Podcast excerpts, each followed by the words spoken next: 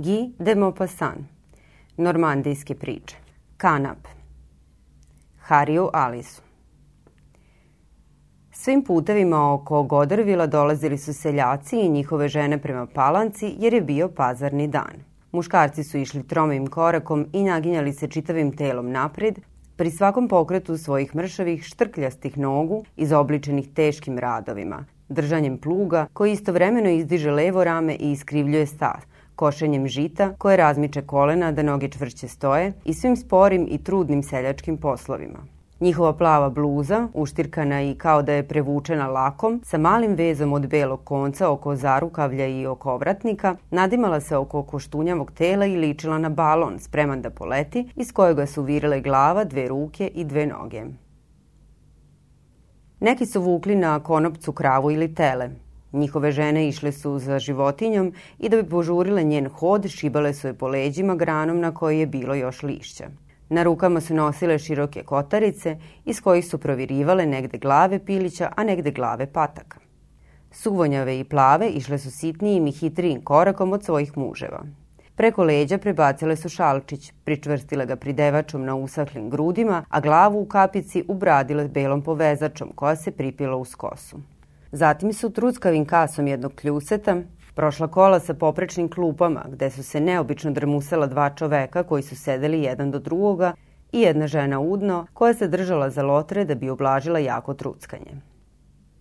Na Godarvilskom trgu metež iz brka, mešavina ljudi i životinja, rogovi volova, visoki čupovi šeširi bogatih seljaka i povezače seljanki pomaljaju se povrh skupljenog mnoštva. Kreštavi, oštri i piskutavi glasovi dižu neprekidnu i divljačku graju, koju ponekad nadjača grohotic snažnih prsa kakvog... Ra... Kreštavi, oštri i piskutavi glasovi dižu neprekidnu i divljačku graju, koju ponekad nadjača grohot iz snažnih prsa kakvog razdraganog seljaka ili otegnuto mukanje krave privezane pored nekog zida. Sve odiše stajom, mlekom i đubretom, senom i znojem, sve zaudara onim neprijatnim i gadnim zadahom, ljudskim i životinskim, koji je svojstven seljacima. Gazda Oškorn iz Breotea baš je stigao u Godervil i uputio se na trg kad spazi na zemlji komad tankog kanapa. Gazda Oškorn, štedljiv kao pravi normanđanin, pomisli da valja podići sve što može da se upotrebi, pa se saže sa velikom mukom jer je patio od kostobolje. Kada je digao sa zemlje taj krajičak tankog kanapa i hteo da ga pažljivo smota, ugleda gazdu Malandena, sedlara, kako stoji na pragu svojih vrata i posmatra ga. Negda davno zavadili su se oni zbog nekog ulara, pa su još i sada kivno gledali jedan na drugoga jer su obojica bili osvetoljubivi. Gazdu Oškorena bi nekako stid što ga je njegov dušmanin video kako iz blata diže parča kanapa. On brzo turi pod bluzu ono što je našao i premesti ga zatim u džep svojih čakšira. Onda se zadrža još neko vreme kao da traži nešto po zemlji i ne može da nađe, pa se uputi na trg ispružene glave napred, presavijen od svojih bolova. Na trgu se brzo izgubi u bučnoj gomili koja se tromo kretala i beskrajno cenkala. Seljaci su opipavali krave, odlazili i vraćali se u velikoj nedoumici jer su se uvek bojali da se ne nasamare. Nisu nikako mogli da se odluče, vrebali su ispod oka prodavca i trudili se neprestano da otkriju njegovu lukavštinu i nađu kakvu manu životinji. Žene su spustile kraj nogu svoje velike kotarice i izvukle živinu koja je sada ležala po zemlji, svezanih nogu, preplašena oka, crvene kreste. Slušale su ponude i ostajale pri svojoj ceni, hladna i ravnodušna lica, ili bi na jedan put pristale na sniženu cenu i vikale za kupcem koji se lagano udaljavao. Kao što reko smo, gazda Antime pristaje.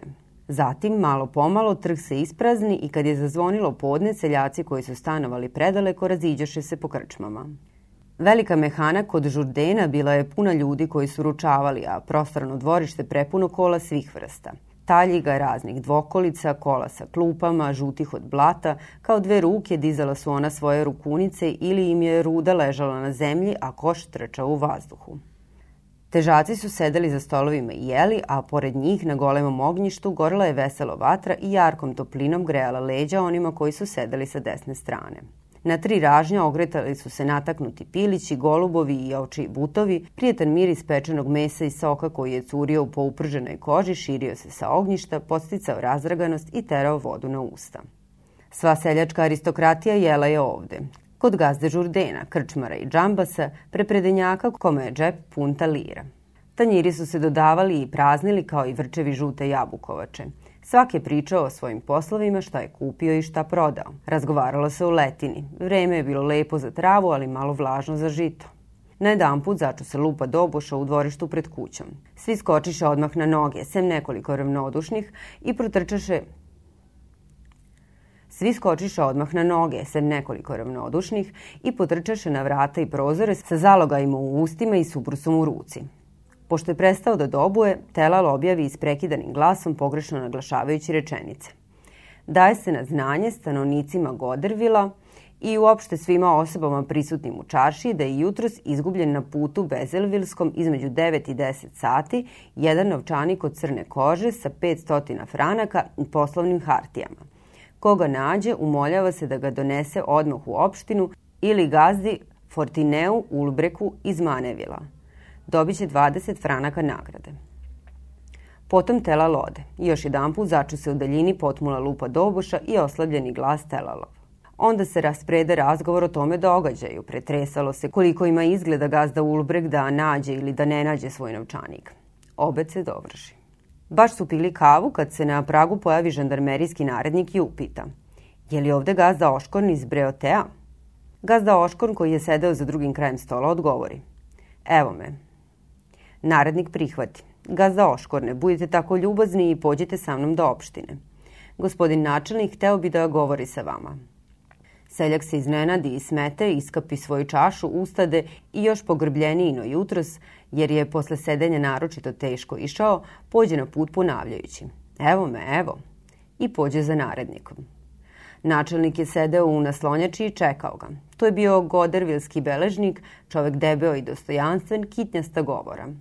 Gazda Oškorne, reče on, videli su vas jutros kako ste pridigli sa zemlje na putu Bezelvilskom novčani koji je izgubio gazda Ulbrek iz Manevila.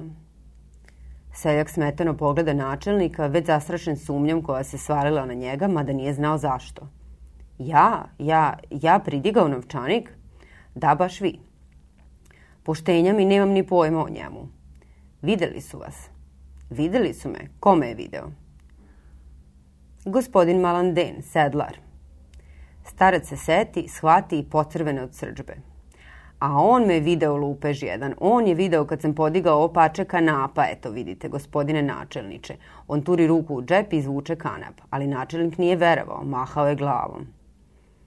Nećete me uveriti, gazda Oškorne, da je gospodin Malanden poverenja dostojan čovek od kanapa pomislio da je novčanik. Seljak besno diže ruku, pljunu u stranu da posvedoči svoje poštenje i ponovi. A ipak svetu istinu govorim, najsvetiju istinu. Kunem vam se dušom svojom i svojim spasenjem da istinu govorim. Načelnik produži.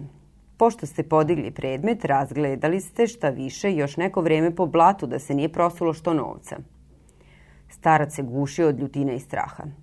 Zar se može reći, zar se može reći takva laž da se okleveta pošten čovek? Zar se može reći Uzalud je protestovao, nisu mu verovali. Suočiše ga sa gospodinom Malandenom koji ponovi i potvrdi svoju izjavu. Grdili su se međusobno čitav sat. Na njegovu molbu pretresoše gazdu Oškorna. Ne nađoše ništa. Najzad načelnik, veoma zbunjen, izjavi da će stvar javiti sudu i tražiti dalja naređenja. Ves se beše raširila. Kad je starac izašao, Svetina se okupio oko njega i oba su ga pitanjima, sa nekom ozbiljnom i podrugljivom radoznalošću, ali bez ikakve ljutnje. On poče da im priča svoj doživljaj sa kanapom. Ne poverovaše mu, smejali su se. Išao je, svi su ga zaustavljali, a i on je zaustavljao svoje poznanike i bezbroj puta započinjao da priča i protestuje, izvrtao džepove i pokazivao ih da dokaže kako nema ništa. Govorili su mu, gle stara Lio, a on se srdio, žestio, uzbuđivao i žalostio što mu niko ne veruje, ne znajući šta da čini i pričao je neprestano šta mu se desilo. Smrkavalo se. Trebalo je ići kući. On pođe na put sa trojicom suseda i pokaza im mesto gde je podigao pače kanapa, čitavim putem govorio je samo o tome. Uveče obiđe celo selo Breote da to svima ispriča, ali mu niko ne poverovao. Od muke nije mogao da spava čitavu noć. Sutradan, oko jedan sat popodne, Marije Pomel, sluga na majoru gazde Bretona, zemljoradnika iz Imovila, predade novčanik i njegov sadržaj gazdi Ulbreku iz Manevila – On je tvrdio da je novčanik zaista našao na putu, pa kako nije umeo da čita, odneo ga je kući i dao svome gazdi. Vest se raširi po okolini. Obavestiše i gazdu Oškorna. On odmah poče da sve obilazi i da priča o kanapu, upotpunivši događaj sa raspletom. Likovao je. Znate, govorio je on, nije me toliko žalostila sama stvar, ali to je bila kleveta. Ništa ne može da vas ojedi kao kad vas ukore zbog nečije klevete. Čitav dan govorio je samo o tom događaju, pričao je o njemu po putevima ljudima koji su dolazili u krčmi, onima koji su pili, na izlasku iz crkve sledeće nedelje. Zaustavljao je nepoznate ljude da im o tome priča. Sad je bio spokojan, a ipak ga je nešto mučilo, mada nije znao šta. Činilo mu se da mu se podsmevaju sluđujući ga, kao da nisu bili uvereni, kao da je osjećao neko ogovaranje iza leđa. U utorak druge nedelje pođe on na Godervilski trg samo zato što je osjećao potrebu da govori o svome slučaju. Malandejn je stajao na svojim vratima i kad ga vide da prolazi, pršte u smeh. Zašto? Priđe jednom zakupniku iz Kriktoa i poče da govori, no ovaj mu ne dade da dovrši, potapša ga po trbuhu i doviknu mu u brk. Odlazi lukava Lio i okrenu mu leđa. Kad je seo za sto u Žurdenovoj mehani, poče opet da objašnjava svoj slučaj. Neki džambas iz Montivica prekide ga. Dosta o tome, dosta stari prepredenjače, znamo mi tvoj kanap. Oškorn promuca. Pa kad su našli novčanik, ali drugi prihvati. Samo ćuti striko, jedan nađe, a drugi donese. Ni čuo ni video, a čik pogodi ko je. Starac zasopta kao da će se ugušiti. Shvatio je najzad. Optuživali su ga da je novčanik dao svome saučesniku, sukrivcu, da ga preda sobstveniku.